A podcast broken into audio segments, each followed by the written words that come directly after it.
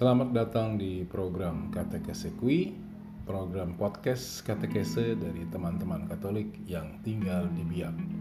Dan saya Pak Andreas. Topik perdana kita dalam program Katekese Kui adalah Wajibkah kita beribadah setiap hari Minggu?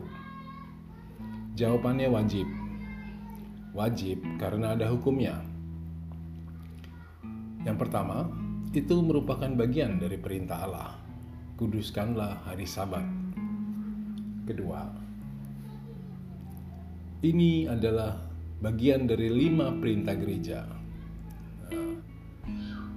Pertama, rayakanlah hari raya yang disamakan dengan hari Minggu. Ya. Hari raya yang disamakan dengan hari Minggu. Lalu berikutnya, ikutilah perayaan Ekaristi pada hari Minggu dan para dan pada hari raya yang diwajibkan dan janganlah melakukan pekerjaan yang dilarang pada hari itu. Lima perintah gereja jelas memperjelas perintah Allah, yaitu kuduskanlah hari Sabat. Di sini kita tambah garis miring hari Tuhan. Ini juga ada hukumnya jadi KHK 1246 1247 bahwa kita harus ingat selain hari Minggu ada 10 hari yang disamakan dengan hari Minggu. Nah, 10 hari itu yang dipertahankan sebagai hari wajib adalah Hari Raya Santa Maria Bunda Allah pada 1 Januari, Penampakan Tuhan pada 6 Januari, Santo Yusuf 19 Maret. Kenaikan Tuhan 40 hari setelah Paskah. Tubuh dan darah Kristus yaitu hari Kamis sesudah hari Minggu Tritunggal Maha Kudus. Lalu harinya Santo Petrus dan Paulus 29 Juni. Maria dikandung tanpa noda 8 Desember Maria diangkat ke surga 15 Agustus. Semua orang kudus 1 November dan tentunya kelahiran Tuhan Yesus 25 Desember. Di KHK juga eh, selain hari Minggu dan hari wajib umat beriman wajib mengikuti misa selain di hari-hari tadi mereka hendaknya tidak melakukan kegiatan yang merintangi persembahan kepada Allah. Jadi kegembiraan hari Tuhan juga harus disertai dengan istirahat yang dibutuhkan bagi jiwa dan raga. Nah, diosesan setempat bisa menetapkan hari raya yang khusus bagi daerahnya dari bagi uskupannya. Jadi di luar 10 hari raya itu ada hari raya yang tidak termasuk dari yang diwajibkan tadi. Uh, misalnya kabar sukacita 25 Maret. Hati kudus yang mah hati Yesus yang maha kudus maaf. Itu Jumat sesudah minggu kedua sesudah Pantekosta. Dan hari kelahiran Yohanes Pembaptis 24 Juni. Serta khususnya di Indonesia 17 Agustus. Ada juga aturan kalender liturgi untuk menentukan ranking hari raya. Mengenai boleh dan tidak bolehnya menggantikan hari raya yang lebih tinggi dan boleh tidaknya kita menggantikan hari Minggu hal mana yang memberikan kita kesempatan untuk membuat hari khusus bagi pelindung kota, pemberkatan gereja, ulang tahun gereja setempat, pesta nama, pesta nama pelindung tarekat, dan lain-lain. Sampai di sini kita harus ingat bahwa orang Katolik itu tidak hanya ke gereja pada hari Minggu saja, tetapi semua hari Minggu di sepanjang tahun ditambah 10 hari, ditambah hari-hari yang secara khusus dipilih seperti pesta nama dan hari kemerdekaan kita 17 Agustus. Itu wajibnya. Nah, untuk melengkapi penjelasannya, kenapa hari Minggu bukan hari Sabtu dan kenapa juga bukan hari Jumat? Pertama, kita harus kenali dulu sistem kalendernya Lalu tentang penetapan hari Sabat dari bangsa Yahudi yang ada di dalam Perjanjian Lama. Dan asal kata nama hari Minggu. Nah, sistem kalender di dunia yang populer itu ada empat. Kalender lunar, kalender solar, kalender lunisolar, dan kalender persetujuan bersama. Dalam perjanjian lama, bangsa Yahudi cuma mengenal satu sistem kalender, yaitu kalender lunar. Nah, kalender lunar ini mulai dihitung dari hari yang kita sebut sekarang sebagai hari Minggu.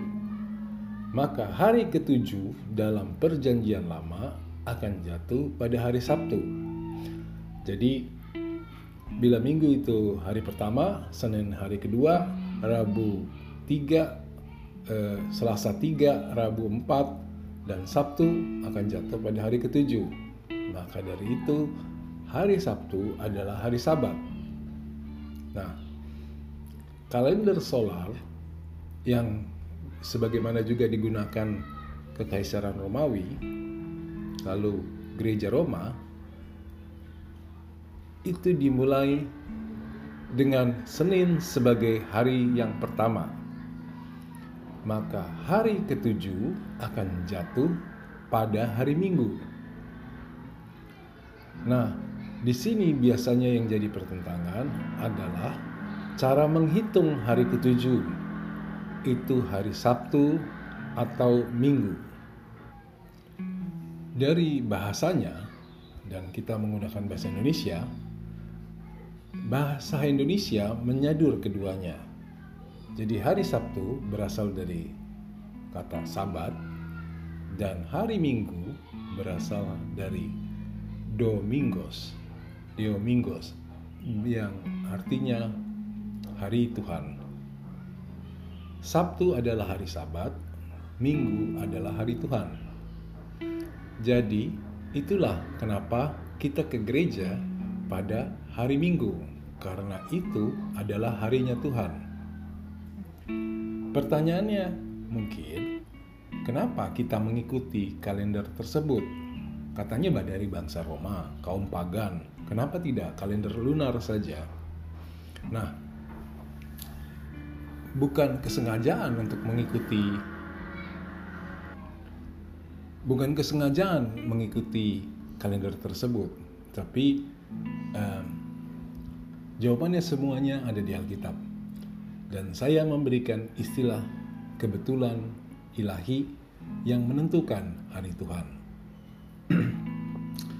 ada sekitar empat poin yang perlu kita ingat.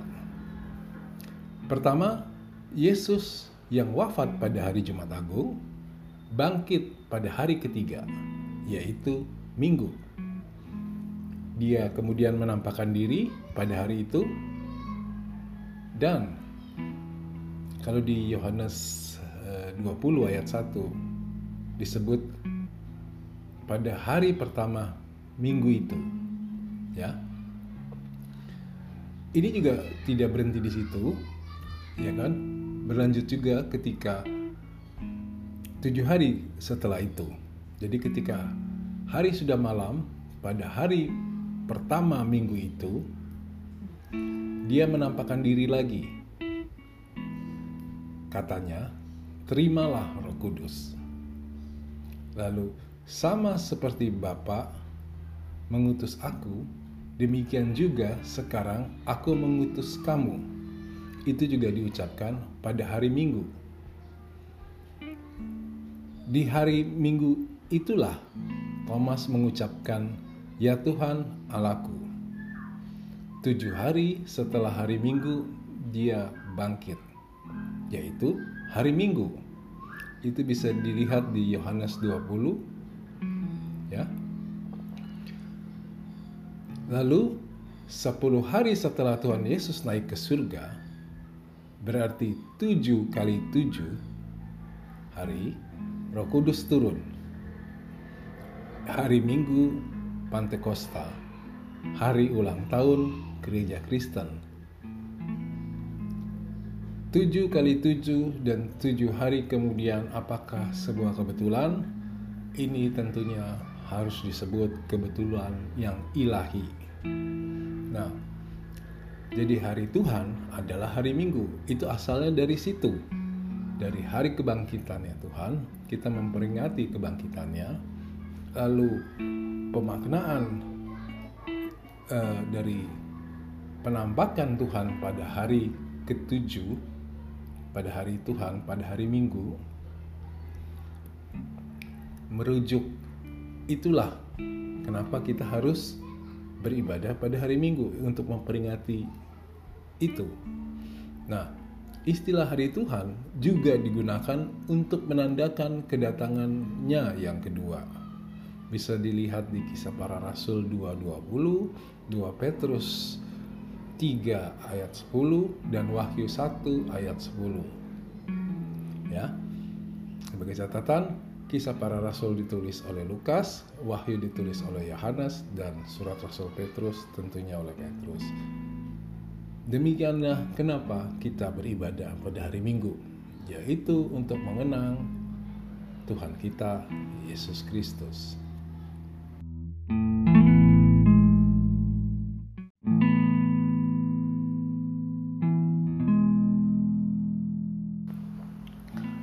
Dan tentunya pada masa pencegahan penyebaran COVID-19 ini kita misa di rumah saja. Jadi hari Minggu marilah kita menjadikan rumah kita gereja kita. thank you